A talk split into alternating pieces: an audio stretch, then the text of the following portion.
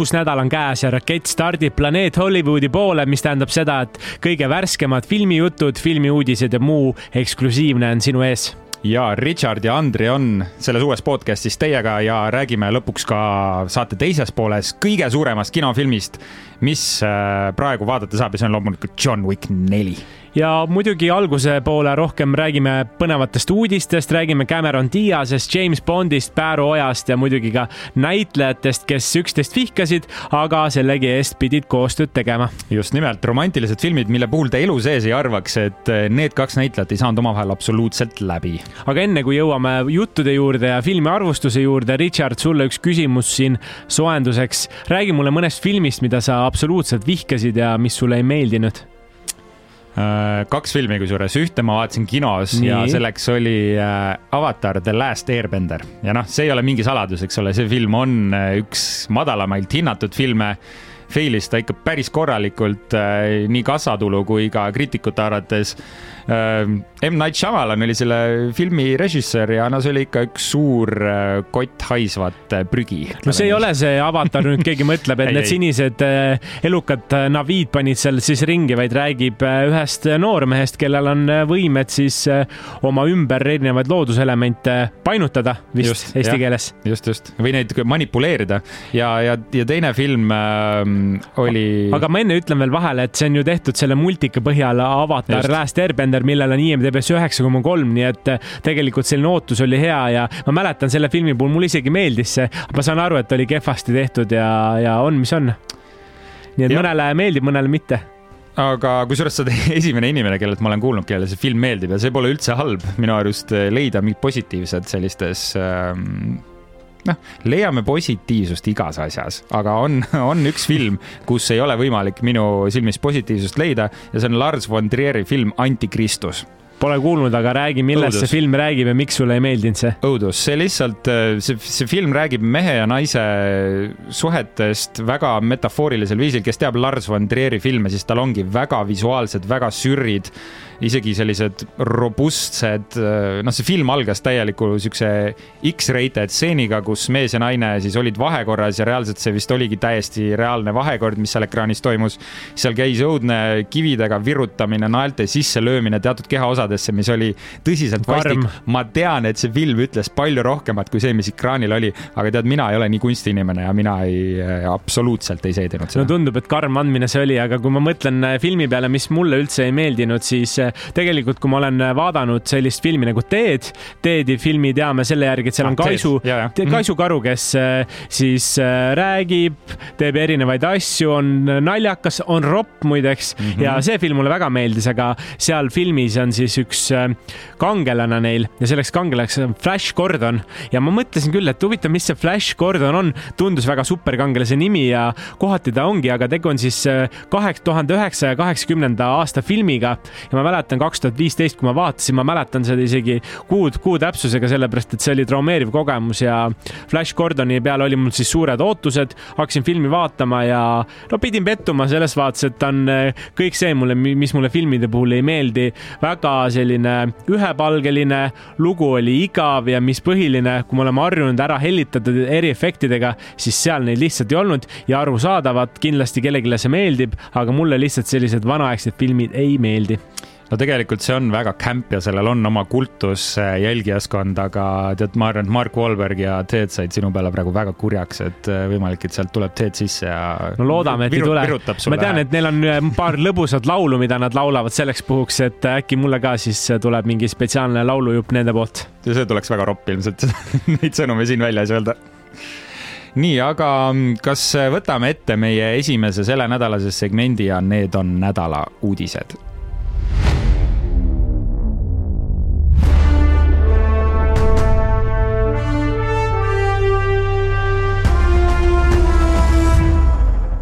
ja meie olemegi siin mõlemad Andriga toonud siis lauale kaks teemat. me ei ole üldiselt teiste teemadega, noh, tegelikult okei okay,, me teame ette, mida teine lauale toob, aga me ei ole kuidagi siin äh, toimetanud, analüüsinud või, või, või siis nagu juhendanud, kes millest rääkima peab.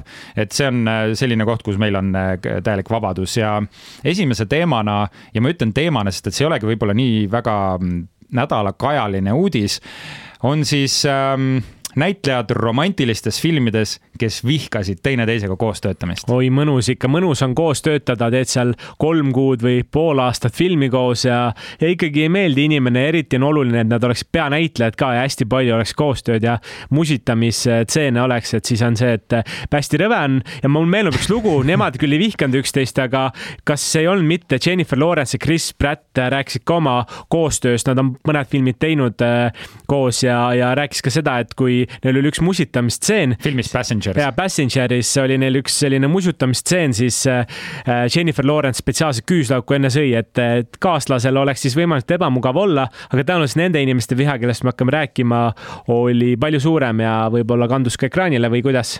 no vot, see ongi selle teema nagu huvitav külg, et need on klassikalised romantilised filmid, kus tõesti ei tule välja, et nad ei sallinud teineteist päriselus.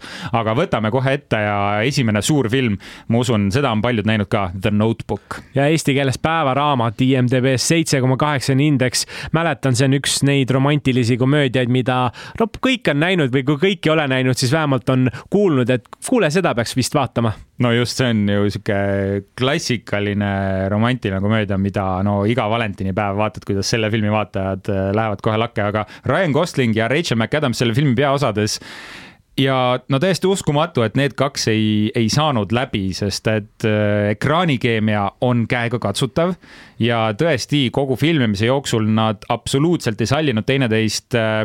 isegi helistasid režissöörile, kelleks oli Nick Cassavetes, et palun Ryan Gosling helistas, ütles palun otsi teine näitlejanna, ma ei suuda Rachel McAdamsiga koostööd teha, aga kui filmi äh, võtted olid lõppenud, siis see paar läks kokku kolmeks aastaks. Ah, päris et... huvitav, ikkagi sellise viha ja armastuse vahel see piir ongi ikkagi täpselt, õhuke täpselt. ja inimesed vaatasid, ei meeldi, ei meeldi, hakkas järsku meeldima ja tänu see, tänu sellele filmi õnnelikule lõpule siis ka nende õnnelik lõpp sai alguse ja järgmine film on Romeo Julia ehk siis Leonardo DiCaprio ja Claire Danes. no DiCaprio on teadagi üks kuulsamaid äh, südamete vallutajaid ja sellel ajal oli siis Claire Danes kuueteistaastane, Claire Danes võib-olla öelda, kus ta mänginud on, näiteks olete võib-olla siukest sarja näinud nagu Homeland. tema mm -hmm. oli siis see peategelane seal um, ja no Claire Danes oli kuueteistaastane, Leonardo DiCaprio oli kahekümne kahe aastane ja noh, selles Baz Luhrmanni filmis siis äh, Leonardo DiCaprio oli see, kes oli väga ebaküpselt käitunud Claire Danes'iga setil ja. kui vana ka... seal Leonardo umbes võis olla, et kas no, me räägime? kakskümmend kaks, eks ta oli tast kuus aastat vanem ka, mõtle kuueteistaastane tütarlaps peab siis noh, tema on see noorem pool, eks ole, ta võib-olla ei ole mm -hmm. nii julge ja nii ja siis Leonardo seal, kes on juba suur staar, paneb sul igatepidi puid alla ja on seal äärmiselt ebaküps ja seega on põhjuseks, miks Claire Danes äh, lükkas tagasi rolli filmis J Edgar, kus Leonardo DiCaprio mängis siis äh, Edgar Hooverit. ma vaatasin, et see film tuli välja üheksakümmend kuus ja tegelikult Leonardo vist tähelend hakkaski seal natuke hiljem, üheksakümmend seitse on Titanic välja tulnud ja võib-olla Leonardo siin testis maad ja, ja võib-olla sealt ka see trauma tal noorte naiste vastu on üles tulnud. tuli ära, ma mõtlesin. ja kui keegi ei tea, mis traumast me räägime, siis äh, ikkagi meedias on palju levinud see, et Leonardo siis äh, ei käi vanematega kui kahekümne viie aastased ja kuna see tüdruk oli kuusteist, siis võib-olla seal tema selline traumaалge ongi, aga seda me ei tea, seda me arutada ei saa ja selle praegu lükkame laualt ära. nii, Viktoriini küsimus, kui vana on Leonardo DiCaprio praegune tüdruksõber? praegune tüdruksõber, ma pakun, et kakskümmend kaks. liiga vana. Liiga vana jah? okei okay,, no siis, siis ei tea. ta peaks olema üheksateist aastat vana. no okei okay.. saad sa aru, see võrdlus on nii, et eh, Leonardo DiCaprio praegune tüdruksõber on sama vana, kui on Pedro Pascal ja see tüdruk, kes mängib Ellit eh, sarjast The Last of Us no iga, iga, iga mees teeb oma valiku, meie oleme siin sõnatud ja Leonardo vähemalt on palju häid filme teinud, nii et muidugi. tal on kõik lubatud. täpselt nii. Äh, järgmine film äh, Dirty Dancing ja selleks on Patrick Swayze ja Jennifer Grey, kes me siis teame, on tõesti väga tugeva füüsilise ekraanikeemiaga. sellest on ju pärit see Time of your life, kus siis Patrick Swayze tõstab Jennifer Grey oma kätel üles ja noh, see on selline tiinekate aegne, noh, ma ütlen minu, minu aja tiinekate aegne. no see on kaheksakümmend seitse on film välja tulnud. vabandust, palju vanem siis. ja tegelikult on ka võitnud ühe Oscari, nii et on ta hinnatud film ja mina olen ka kuulnud, võib-olla ei ole siin värskelt sattunud vaatama, aga minu meelest mingi telekas ka lasti seda päris palju ja, ja võib-olla neid vanu filme, kuigi ma ütlesin Flash Gordoni kohta, et ärge vaadake, siis ma arvan, et see draama kannab ja IMDB-s seitse koma null tal hindeks on. see on, see on väga hea film, soovitan kõigile. nii, aga lähme korraks ka sarjade juurde ja ei keegi muu kui Gillian Anderson ja David Duchovny ehk siis Mulder ja Scully X-Filesis väidetavalt äh, üheteist hooaja jooksul ei saanud tegelikult ka teineteisega läbi. noh, siin ei ole öelnud, et nad vihkasid teineteist, aga noh, tegemist oli ikkagi sellise keerulise ekraanisuhtega, aga kusjuures paljud on ka hoopis äh, siis äh, kahelnud, et äkki oli paar hoopis koos selle filmimise ajal ja nad äh, üritasid Aa, nagu oma jälgi no segada, nii et seal on, äh, seal on päris palju. sarja päris pikalt segamist. Äh, filmiti üheksakümne kolmandast aastast kuni aastani kaks tuhat kaheksateist ja kokku siis võitsid nad kuusteist primetime Emmit, mis on väga hea tulemus sarja kohta ja kaheksa koma kuus IMDB-s. ja ma mäletan, see on üks nendest sarjadest, mis mulle tekitas lapsepõlves õudukaid ja Jab. mul onu vaatas, ma mäletan, mul vend hakkas just sellel ajal sündima, ema-isa olid siis sünnitusmajas ja mina onuga vaatasin X-Files'e ja see oli mu kõige hirmsam õhtu terves maailmas. see oli tõepoolest, seal oli veits siukest õudushõngu küll küljes. aga viimasena võtame siis kõige uuema filmi, mida me teame ja selleks on Mad Max Fury Road. Charlize Theron ja Tom Hardy väidetavalt olid väga-väga teravates äh, diskussioonides seal filmisetil ja asi läks isegi nii kaugele, et kui Tom Hardy oli hilinenud mitu korda võtteplatsile, siis Charlize Theron äh, põhimõtteliselt äh, noh, läks talle ütlema midagi, et see on väga ebaprofessionaalne, et mida sa teed siin. ja Tom Hardy oli noh, täiesti tormanud tema mm -hmm. poole, karjunud ja lõpuks Charlize Theron isegi palus turvamehi setile selleks, et nad kaitseksid okay. teda Tom Hardy eest. aga kuus Oscarit on film võitnud aastast kaks tuhat viisteist ja IMDB reiting kaheksa koma üks, nii et äh, ma ütleks äh, päris hea sisu, mõtle, kui nad oleksid veel omavahel hästi läbi saanud, võib-olla oleks tulnud siin maailmarekord aga mis on veel tore, on just see, et Tom Hardy pärast vabandas Charlize'i ees ja ütles, et tõesti, mul oli raske aeg elus. no aumees. aga siit lähme edasi Hollywoodi uudistega ja minu meelest äh, päris selline üllatuslik uudis. Äh, nimelt Cameron Diaz, kes ei ole pea üheksa aastat äh, näidelnud üheski filmis.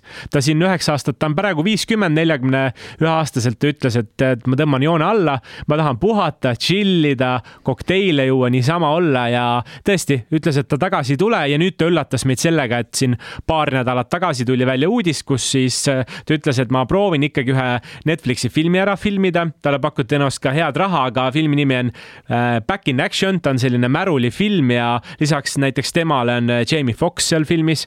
aga kus asi läheb nüüd võib-olla kentsakaks või kuidagi veidraks, on see, et Cameron Diaz siis äh, hiljuti on ka öelnud, et tõenäoliselt jääb seda viimaseks filmiks, sellepärast et see trauma, mis ta sealt filmivõttelt saanud on, on lihtsalt nii räige ja ta ei igatse üldse neid aegu, kus äh, tehti filme. et üks asi, mis ta tõi välja, mis oli tema jaoks oli väga lappes oli see, et lihtsalt ilm oli kohutav ja võttepäevi tuli kogu aeg ära jätta. see võtteperiood läks pikemaks ja pikemaks ja pikemaks, aga kus, kus tüli tuli ikkagi üles, oli see, et Jamie Foxx oli hakanud staaritsema ja Jamie Foxx oli lasknud seal lahti neli-viis inimest, ühe operaatori, autojuhi, teised veel teisi inimesi ja Cameron Diaz ei olnud sellist asja kõrvalt näinud nii et see näitlejate paar oleks sobinud ka eelmisesse uudisesse. no põhimõtteliselt ideaalne ja no vaatame, kuidas on, nad selle filmi teevad ära, kui see film välja tuleb, eh, siis saame ka sellest rääkida, aga, aga tõesti juba, juba ta tuli siis eh, pärast pausi tagasi ja juba ta läheb teistpidi ära, sellepärast et lihtsalt see õhustik ei sobi talle. Vaatame nüüd eh, Eesti poole ja mingil määral Eesti poole, mingil määral Netflixi poole ning on tulnud välja uudis, et Pääru Oja osaleb järgmises Netflixi menusarjas. Ja järgmise all ma tegelikult mõtlen sarja, mis juba Netflixis on, aga millel on uus hooaeg tulemas. Ja selleks on Shadow and Bone ehk siis fantaasiasari, mis on, ütleks selline YA ehk siis noorte, noorte täiskasvanute mm, fantaasiasari. Ja seal mängib, hakkab siis Pääru Oja mängima Mogensi nimelist tegelast ja Mogens on seal fantaasiasarjas taksitermist ehk Topise tegija no tõeliselt tubli ja kiitus talle selle eest, et ma tean, et ta on üks neid näitlejaid, kes siin Hollywoodi, Netflixi ja kõikidele muu, muudele suuntale proovib saada ja ka Vikingite filmis oli ta või mitte filmis, sarjas on ta üles astunud ja, ja ma loodan, et me teda näeme veel. kuigi nüüd ta, ma saan aru, teeb topis, et siis võib-olla järgmine kord on uus James Bond või keegi kolmas, et, et selles mehes on potentsiaali palju ja teda me veel näeme? tal on tõesti mingi oskus, mida ei ole minu arust paljudel Eesti näitlejatel, et seal ei ole absoluutselt ülenäitlemist, seal on lihtsalt loomulikult olemist ja sellise rahuliku delivery'ga lihtsalt sa annad nii palju edasi, mulle nii meeldib, sest äh, okei okay.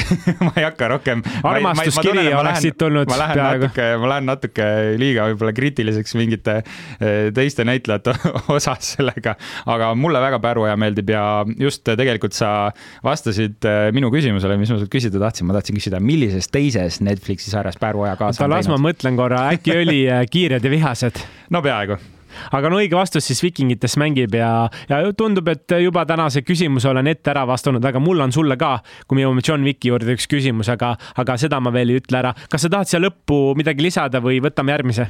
ja, et Pääru aja siinkohal pidi ka eritreeningut välja saama, et ta pidi seal just nugasid õppima väga andekalt käes hoidma, et äh, nagu me ikka teame, siis no Netflixi toodangud ja üleüldse välismaist toodang on äärmiselt põhjalikud, näitlejad pannakse korralikke koole ja treeninguid läbima, nii et siin ta siis sai endale uue oskuse juurde nugade käsitlemisel. no loodame, et neid oskusi siis näeme mujal ka, aga siit lähme üle sellesama James Bondi teemaga, kuna palju on olnud diskussiooni, kes see James Bond võiks olla, siis üks selline uudis, mis sellel nädalal tundus lõbus, oli see, et Angelina Jolie'le pakuti siis aastal kaks tuhat kuus võimalust, olles Bondi tüdruk Daniel Craig'i filmis, äh, mitte Daniel Craig'i filmis, vaid Daniel Craig'iga peaosas James Bondi filmis äh, Casino Royale. Ja Angelina Jolie ütles sellele ära, ütles, et mina tahaks olla ise Bondi tüdruk. Ja mitte siis Bondi tüdruk kui kellegi kaaslane, vaid see, kes hoiab relva, see, kes ringi kihutab, see, kes teeb asju või Bondi naine siis äh, tahaks tema ise olla. Ja nüüd on jälle diskussioonid üleval, kes need võiks olla ja ma küsin su käest, Richard, kui sina saaksid valida ühe näitleja, kelle sa valiksid? uut James Bondi mängima või Bond Girli mängima? ütleme James Bondi mängima ikka, jah mm. -hmm. võib-olla natuke räägin ka sellest, et palju on räägitud just nagu sa ütlesid ka Angelina Jolie näitel, et kas uh, uus Bond tuleks kuidagi ümber mõelda naiskarakteriks või midagi täiesti teistsugust, et uh, mul ei ole midagi tugevate naiskarakterite vastu filmiekraanil, minu arust selles uues, kõige viimases James Bondi filmis me nägime väga ägedaid naisagente, aga nagu James Bondi karakterit mina ei paneks, noh, ma ei paneks naissoost näitlejannat seda rolli mängima, minu arust see James Bondi karakter võiks jääda meessoost karakteriks, aga lihtsalt selles mõttes mõelge kasvõi spin-off'e siis äh, Bondi filmidele välja ja selliseid tugevaid karaktereid sedapidi juurde tuua. ja mina olen ka nõus ja muideks üks lõbus fakt siia vahele, et ma tükk aega mõtlesin, mis see null null seitse on, et null null seitse on siis kood, mis antakse iga agendile, sul võib olla ka null null kuus, aga kõik, mis hakkavad null nulliga, neil on luba tappa siis. üks filmi, üks filmi nimi on ka James Bond ja luba tappa, nii et äh, väike lõbus fakt siia vahele, aga kohe jõuan nimekirja juurde, keda siis äh, artiklis ka välja pakutakse ka enne Richard minu valik, sa küsisid, keda ma tahaks James Bondina näha ja minu teada see valik peaks olema sul seal nimekirjas ka. mulle meeldib praegu kõige rohkem Aaron Taylor Johnsoni valik. ja tema on äh, siin äh, ka tabeli tipus ja spekulatsioonide alustala, tema mängis just hiljuti ka filmis Bullet Train, kus just on nii. Brad Pitt peaosas ja seal ta tegi väga vinge rolli. aga kes siin nimekirjas veel on ja sa ütlesid väga tabavalt ära, et ka naiskaraktereid mõeldakse ja kui eelmises James Bondi filmis mängis selline naine nagu Lashana, ma ei tea, kuidas seda hääldada, Lynch. Jah, siis tema mängis ka selles filmis No Time to Die ja, ja tõeliselt juba vingelt üles astus ja ongi mõeldud, et äkki siis tema võiks seda James Bondi karjääri jätkata. teame, et Daniel Craig, kes on muidu viimaseid, kas ta on teinud neli või viis filmi juba, on väsinud, ta ei jaksa ja üks kriteerium, mida öeldakse, on see, et ta peab olema valmis mängima järgmise kümme kuni viisteist aastat, ehk siis äh,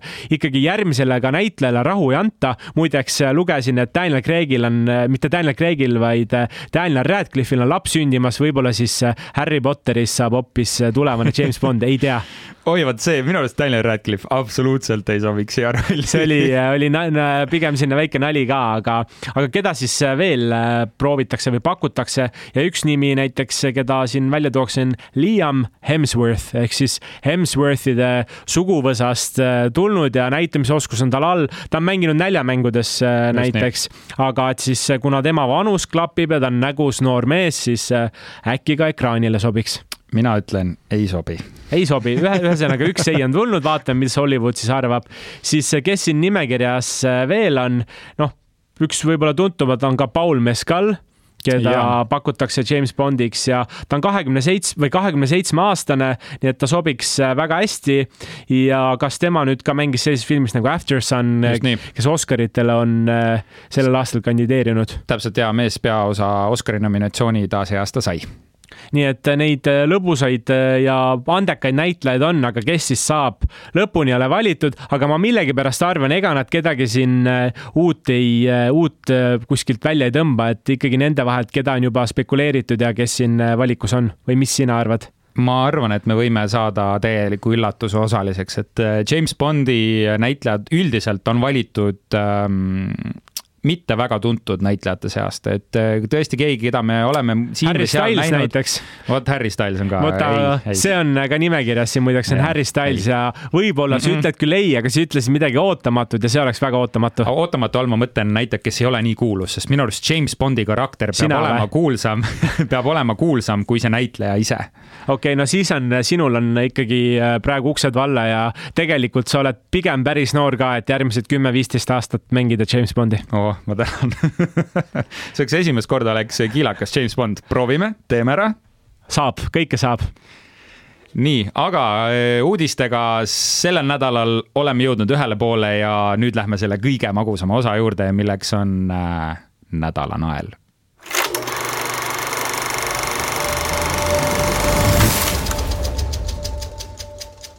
ja selle nädala naelaks on uus action film. John Wick neli, neli ja kuidas keegi iganes hääldab, aga John Wick neli tõesti filmiks on ja nagu ka number neli ütleb, siis kolm eelnevat osa tal on olnud. ma loodan, et kõik on siis värskelt ka selle ära vaadanud. proovime ka teha väikese kokkuvõtte, mis seal eelnevalt juhtunud on, sellepärast et see on väga oluline just selle neljanda osa jätkuks. kui te vaadanud ei ole, siis äh, kolmekümneks sekundiks kõrvad äh, kinni pigistada, aga noh, niikuinii, kui te tahate teada, mis filmis toimub, siis. me ei äh, hakka spoil ima. me ei hakka spoil ima, jah. me, me lihtsalt anname oma arvamuse oma arvamuse filmi kohta teeme väikse, ma, kusjuures ma isegi seekord ma isegi ei räägiks läbi, mis eelnevates filmides juhtus, ma nagu juhataks sisse lihtsalt okay., mis John Wick neljas toimub, sest et mis selle uue filmi puhul on äh, väga mõnus, on tegelikult sa võid seda vaadata ka ilma eelnevate teadmistega, see muidugi annab väga palju juurde, aga uues neljandas osas ongi siis John Wick on taaskord, taaskord jooksus nõukogu eest ning üritab oma nime puhtaks pesta. selleks, et ta oma staatuse tagasi saaks,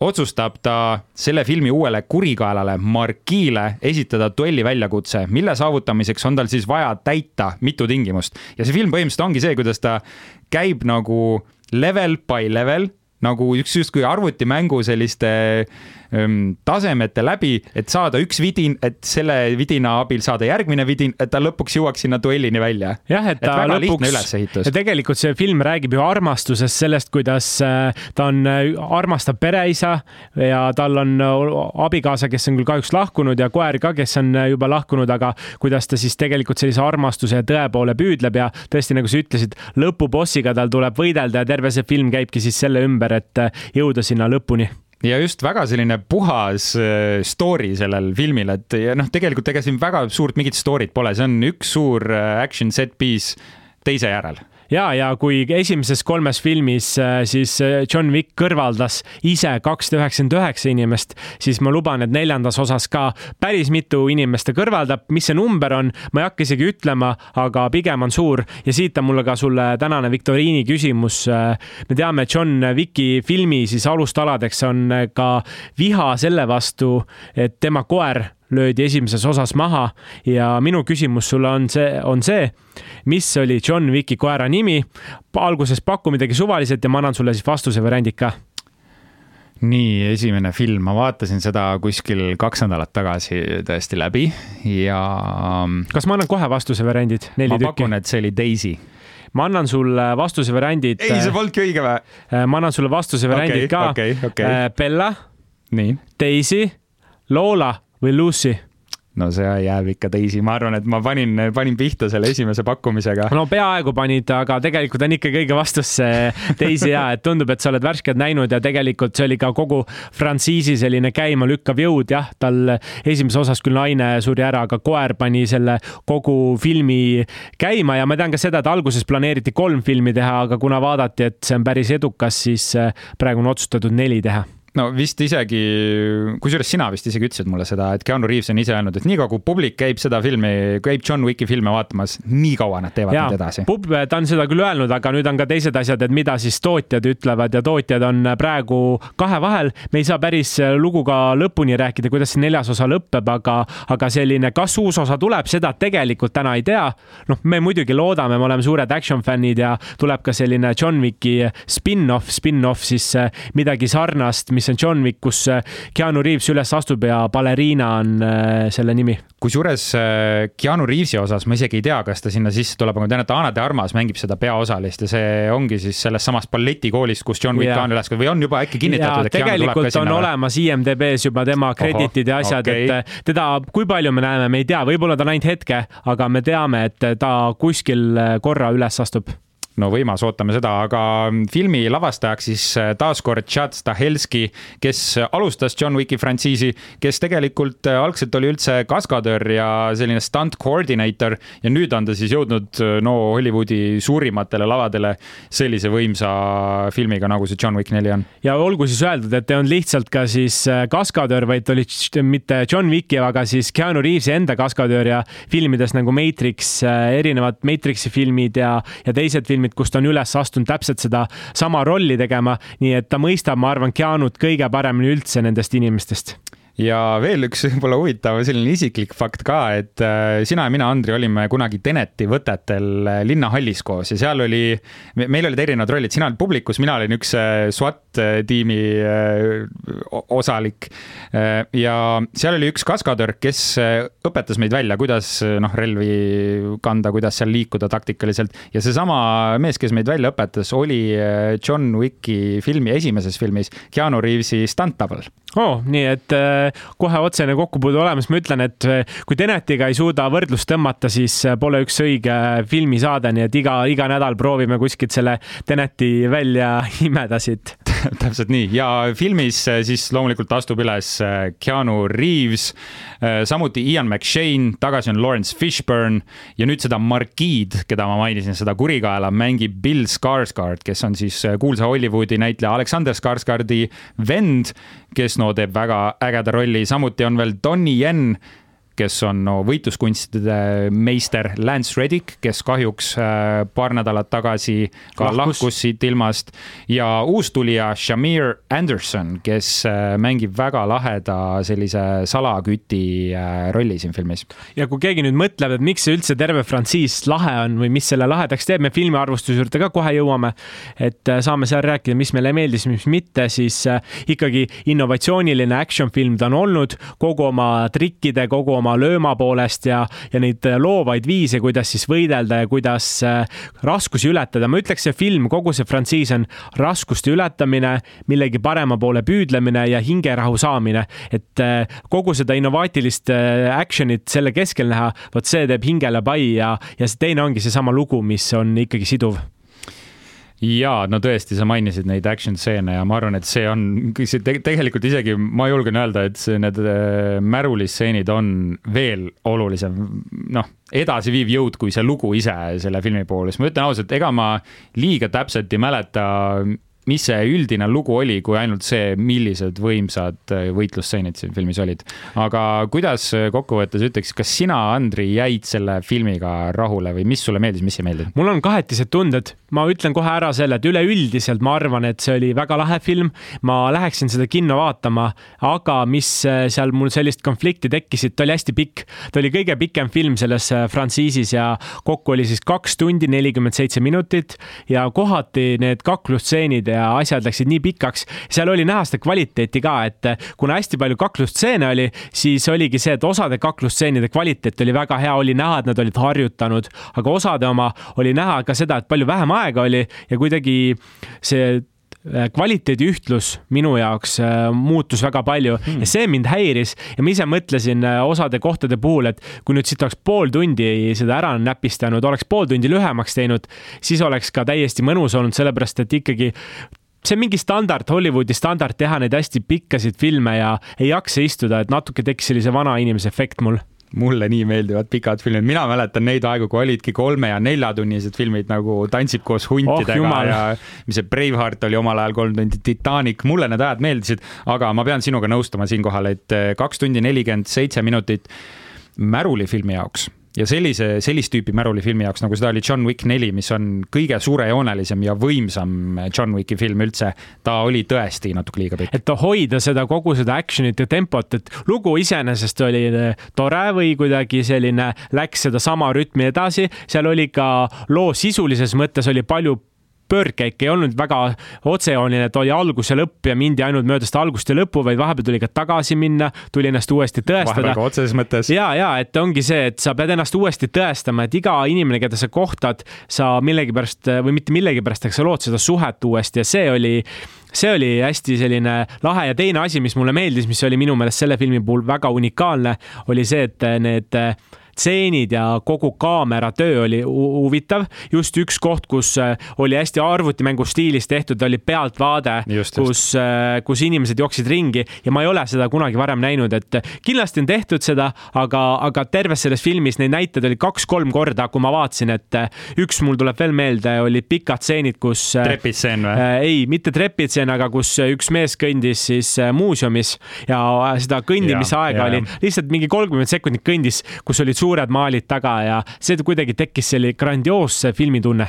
ja kusjuures äh, mulle ka meeldis noh, ütleme nii, et ma nüüd vaidlen natuke enda pointile vastu, et see film oli natuke liiga pikk, aga mis mulle ka meeldis, et seal oli palju seda hingamisruumi ikkagi vahel. et äh, seal oli võib-olla niisugust viis-kuus väga suurt märulistseeni, aga sinna vahele, ütleme, et eelnevad John Wicki filmid minu arust olid action action'i otsa, kogu aeg tuli järjest, siin me saime vahepeal sellist tempot maha ja no kui siis see action peale tuli, nagu sa mainisid, see ülevalt vaatega stseen, see on üks, ma arvan, ka minu lemmikumaid, kus John Wick siis selle mingi draakoni hingeõhuga seal neid äh, äh, pahasid äh, teise ilma saatis, no see oli visuaalselt ka nii lummav lihtsalt. Ja mis oli eriti lahe, et shaky cam'i ei kasutatud üldse, mida tehakse tihti action filmide mm -hmm. puhul, kui tahetakse kiirust ja mm, noh, seda nagu noh, tekitada seda tunnet, et sul näitlejad ja kaskadöörid suudavad ülikiirelt ja lahedalt kõike teha.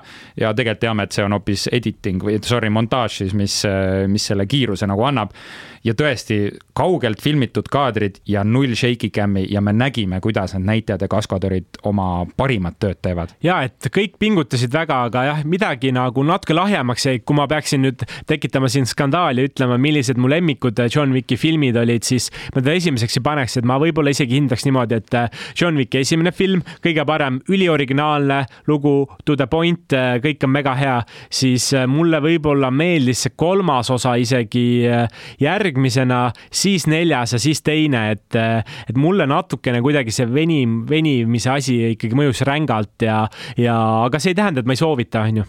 ja äh kui ma peaks tooma selle kõige parema osa siin filmis välja, loomulikult need on need action stseenid, aga teisel kohal, mis mulle väga meeldis, oli äh, see, kuidas olid karakterid välja töötatud, iga uus karakter, keda me siin filmis nägime, oli ülimalt omanäoline ja unikaalne et äh, Donnie Yen, kes oli uustulija mm, -hmm. mängis Kane'i äh, fantastiline karakter ja niipea kui Donnie Yen oli action stseenis, siis saad sa aru, oli sihuke tunne, nagu sa vaataksid viiekordse kiirusega filmi, aga sa lihtsalt saad aru, et mees on, mees on ülimalt pädev. aga räägi, kuidas sina selle järjekorra paneksid, ma tean, et sa ei taha sellele kindlasti vastata, aga kui sa paneksid John Wickid äh, üks, kaks, kolm, neli järjekorda, siis mis järjekord oleks? esimene, esimesel kohal. nii. siis paneksin neljanda. okei okay siis paneksin kolmanda ja siis teise. ja, no peaaegu sama meil see kolmas ja neljas vahetus, aga mis on väga huvitav, kui vaadata nüüd reitinguid, siis eks see John Wicki nelja reiting veel muutub, siin aega on veel minna, aga John Wick üks, kaks ja kolm on täpselt sama reitinguga IMDB-s, selleks on seitse koma neli, mis on minu meelest naljakas, tavaliselt need ei jää samale positsioonile ja praegu neljanda osa reiting on lihtsalt kaheksa koma neli.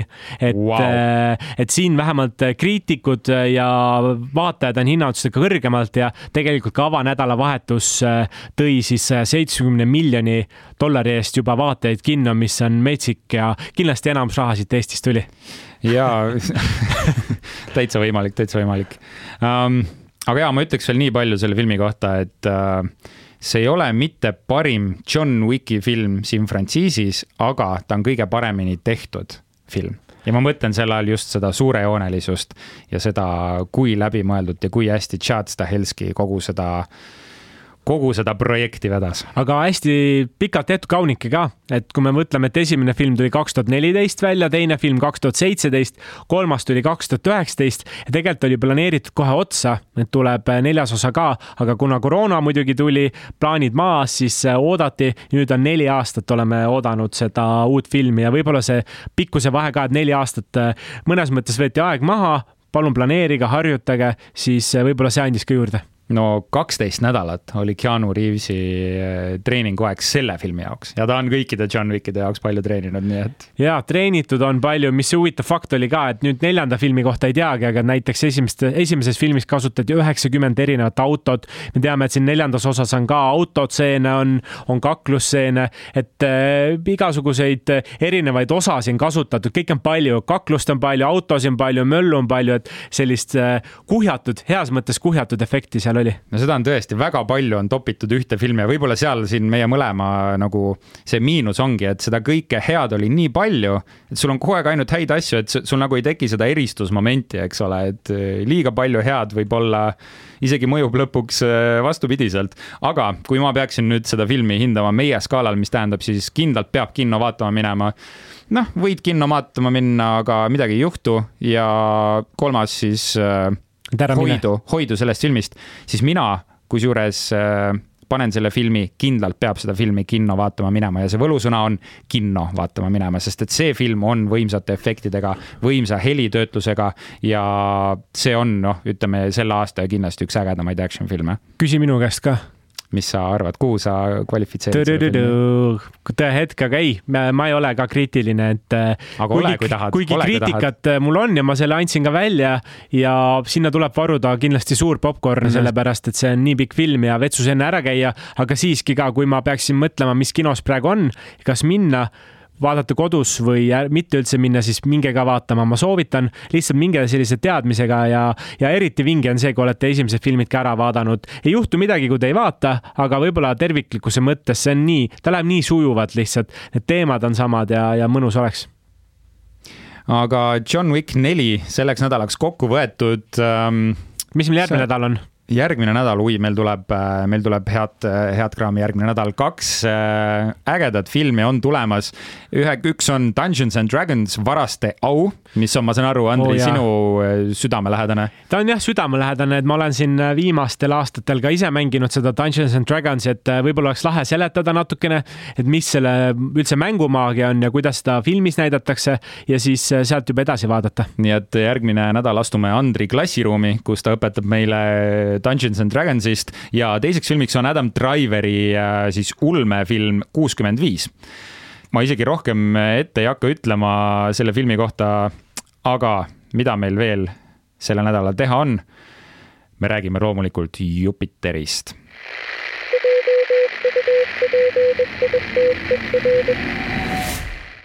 ja Jupiterist kodus mõnusalt diivanil, teleka äpist, veebist või kasvõi telefonist, kui teile meeldib telefonist filme vaadata olen mina välja valinud ühe väga ägeda mängufilmi. aga enne kui Richard annab selle soovituse, pean ütlema, et äh, kasutasin ka just seda Jupiteri äppi ja vaatasin Rakett kuuskümmend üheksa esimest oh. hooaega. ma hakkasin algusest peale vaatama. esimest hooaega? ja suur fänn ma olen ja ma mõtlesin, et huvitav, nüüd on vist kolmteist hooaega või võib-olla isegi just, rohkem.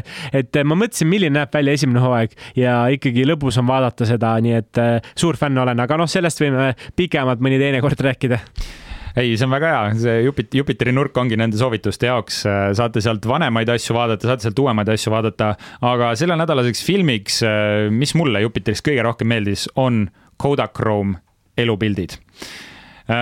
filmi tegevus toimub siis äh, Kodachrome äh, fotoilmutus paneb uksed kinni ning isa ja poeg võtavad ette reisi, et siis oma viimaseid pilte ilmutama jõuda enne, enne selle poe sulgemist. ja see on selline huumoriga vürtsitatud draama, räägib tegemata valikutest, mälestustest ja andestamisest. ja mm, filmi peaosas siis Jason Sudeikis ehk Ted Lasso ise, kes mängib plaadikompanii veterani Matt Ryderit ja võtab siis ette autosõidu oma vana haige isa Benjaminiga, keda mängib fantastiline Ed Harris ähm, nii et võtavad nad siis suuna selle fotolabori poole ja Benjamin siis, kes on Jason Sudeikise isa, on endine tippfotograaf ja tõesti kuulus fotograaf ja ta tahab oma viimaseid filme siis viia sinna ilmutama ning pühendada need oma pojale. mehe omavaheline suhe, siis kahe mehe omavaheline suhe on äärmiselt keeruline ka, et me teame, et Ed Harris ja Jason Sudeikis ei saa läbi, seal on mingisugune noh, mingisugune toigas neile kunagi kodaratesse visatud, et nad on võõrandunud teineteisest, aga tegemist on sellise road movie tüüpi filmiga. et ähm, noh, ütleme selline hea tuju tekitaja mingil määral, aga, aga siin filmis on ka päris palju sihukest äh, traagikat ja sügavust sees. aga mis mulle väga meeldis just, et äh, see film ei ole mingist maailma lõpust, siin ei ole väga suuri panuseid, see on lihtsalt selline mõnus kulgemine, kus sõidetakse läbi Ameerika ja räägitakse juttu, lahendatakse oma probleeme ja selline draama, draama oma kõige paremas äh, mõttes ja tegelikult ei olegi ju vana film aastast kaks tuhat seitseteist on film pärit, IMDB on andnud kuus koma kaheksa ja ma ütleks, kuus koma kaheksa on kõige parem hinne minu jaoks IMDB-s, sellepärast et see tähendab, et ta on kuskil seal vaatajate, kriitikute maailma vahepeal, sellepärast et kui ta läheb mõnikord teise otsa, siis ma tean, et võib-olla ei meeldi, võib-olla meeldib ja kui ta läheb liiga alla, siis ta kindlasti ei meeldi, nii et üks selline soliidne hinne talle antud ja, ja film on siis äh, tund nelikümmend viis äh, vaatamist, nii et ei ole ka, ei ole kolmetunnine istumine nagu John Wicki puhul, nii et äh, jaksab ikkagi ühe korraga ära vaadata. Just nii ja filmis astuvad veel üles, nagu mainisin, Jason Sudeikis, Ed Harris, Elizabeth Olsen, kes, keda teame tasujate filmidest Scarlet Witchina, Bruce Greenwood ja Dennis Haysbert. nii et ähm, võtke kindlasti see film ette, ma soovitan, see on selline film, mida julgeb igale vaatajale soovitada. nooremale, vanemale, meestele, mhm. naistele mm -hmm. sobib äh, sellise kohtingufilmina, sobib ka lihtsalt, äh, kui sul on pikk nädal on, et tahad lõõgastuda veidi aga lõpetuseks siia sulle, Richard, küsimus, et eh, kui sa vaatad selliseid filme või üldse kinos vaatad filme või mis näkid sul käivad eh, asja juurde, et kas, kas oled see, kes kodus teeb, ma ei tea, endale kümme võikut valmis ja teeb popkorni valmis või, või kuidas sul see protsess käib? Äh, kui ma mingi hea filmi ette võtan ja on nädalavahetus, siis äh, ma tellin endale suure pitsa. päriselt? Oo oh, jaa oh,. kas sul on mingi kindel pitsa ka või sul on nagu see, et pitsa on nagu põhiasi, sisu vaatan võin sulle alati, et okei okay,, pepperoni pitsa, hea film. on jah, no näed, tundub, et Selgeltnägija saatesse pean ka minema, sellepärast et võimed on tugevad, aga okei okay,, sa võtad, ma saan aru, pitsa kodus, aga kui sa lähed kinno, mis sa siis äh, snäkid? no siis on ikka suur popkorn. suur, suur popkorn, kõige suurem jook ja kummikommik kõrvale. aa, no siis sul on äh, täis õhtu söömaaeg, aga kui ma mõtlen enda sellise peale, võiks arvata, ma ise arvasin kuidagi enda kohta, et ma olen hullult see snäkimeister, et. sa ei äh, ole väga, me käime sinuga palju kinos, aga sa oled vist pigem nachode mees, eks ole? ja mulle meeldib neid nachosi süüa, aga tegelikult ma üldse eelistan nagu mitte midagi süüa. et äh, pigem see kuidagi, et kui ma hakkan sööma, siis ma söön, ma ei suuda keskenduda, onju hmm., mingid huvitavad probleemid, aga pole seda harjumust, mul on tunne, et see popkorni söömine on ka harjumus, et kui sulle meeldib, siis sa sööd seda täiega, mul elukaaslane näiteks ikkagi alati suur popkorn ja noh, mõnikord ma mõne võtan sealt kõrvalt ka, aga kuidagi mulle ei meeldi, kui need tükid jäävad hamba vahele ja kuidagi kerija koduses sellises kinos ma, tead, ma vaatan, vaatan õunte pealt, et mis see tunne, tunne on, aga ka pigem snäkki ei võta, sellepärast et ma usun südames, et kui on ikkagi hea filmi vaatamine, siis kõik minu meeled on headele filmidele pühendatud. No sellise lipsuga lõpetame hea meelega sellenädalase saate Planeet Hollywood mina olin Richard, minu vastas oli Andri Padar ja järgmisel nädalal, nagu mainisime, tuleb siis film kuuskümmend viis ja Dungeons and Dragons Varaste au. ja rakett lahkub planeedilt, et teiega tulla tagasi juba järgmisel kolmapäeval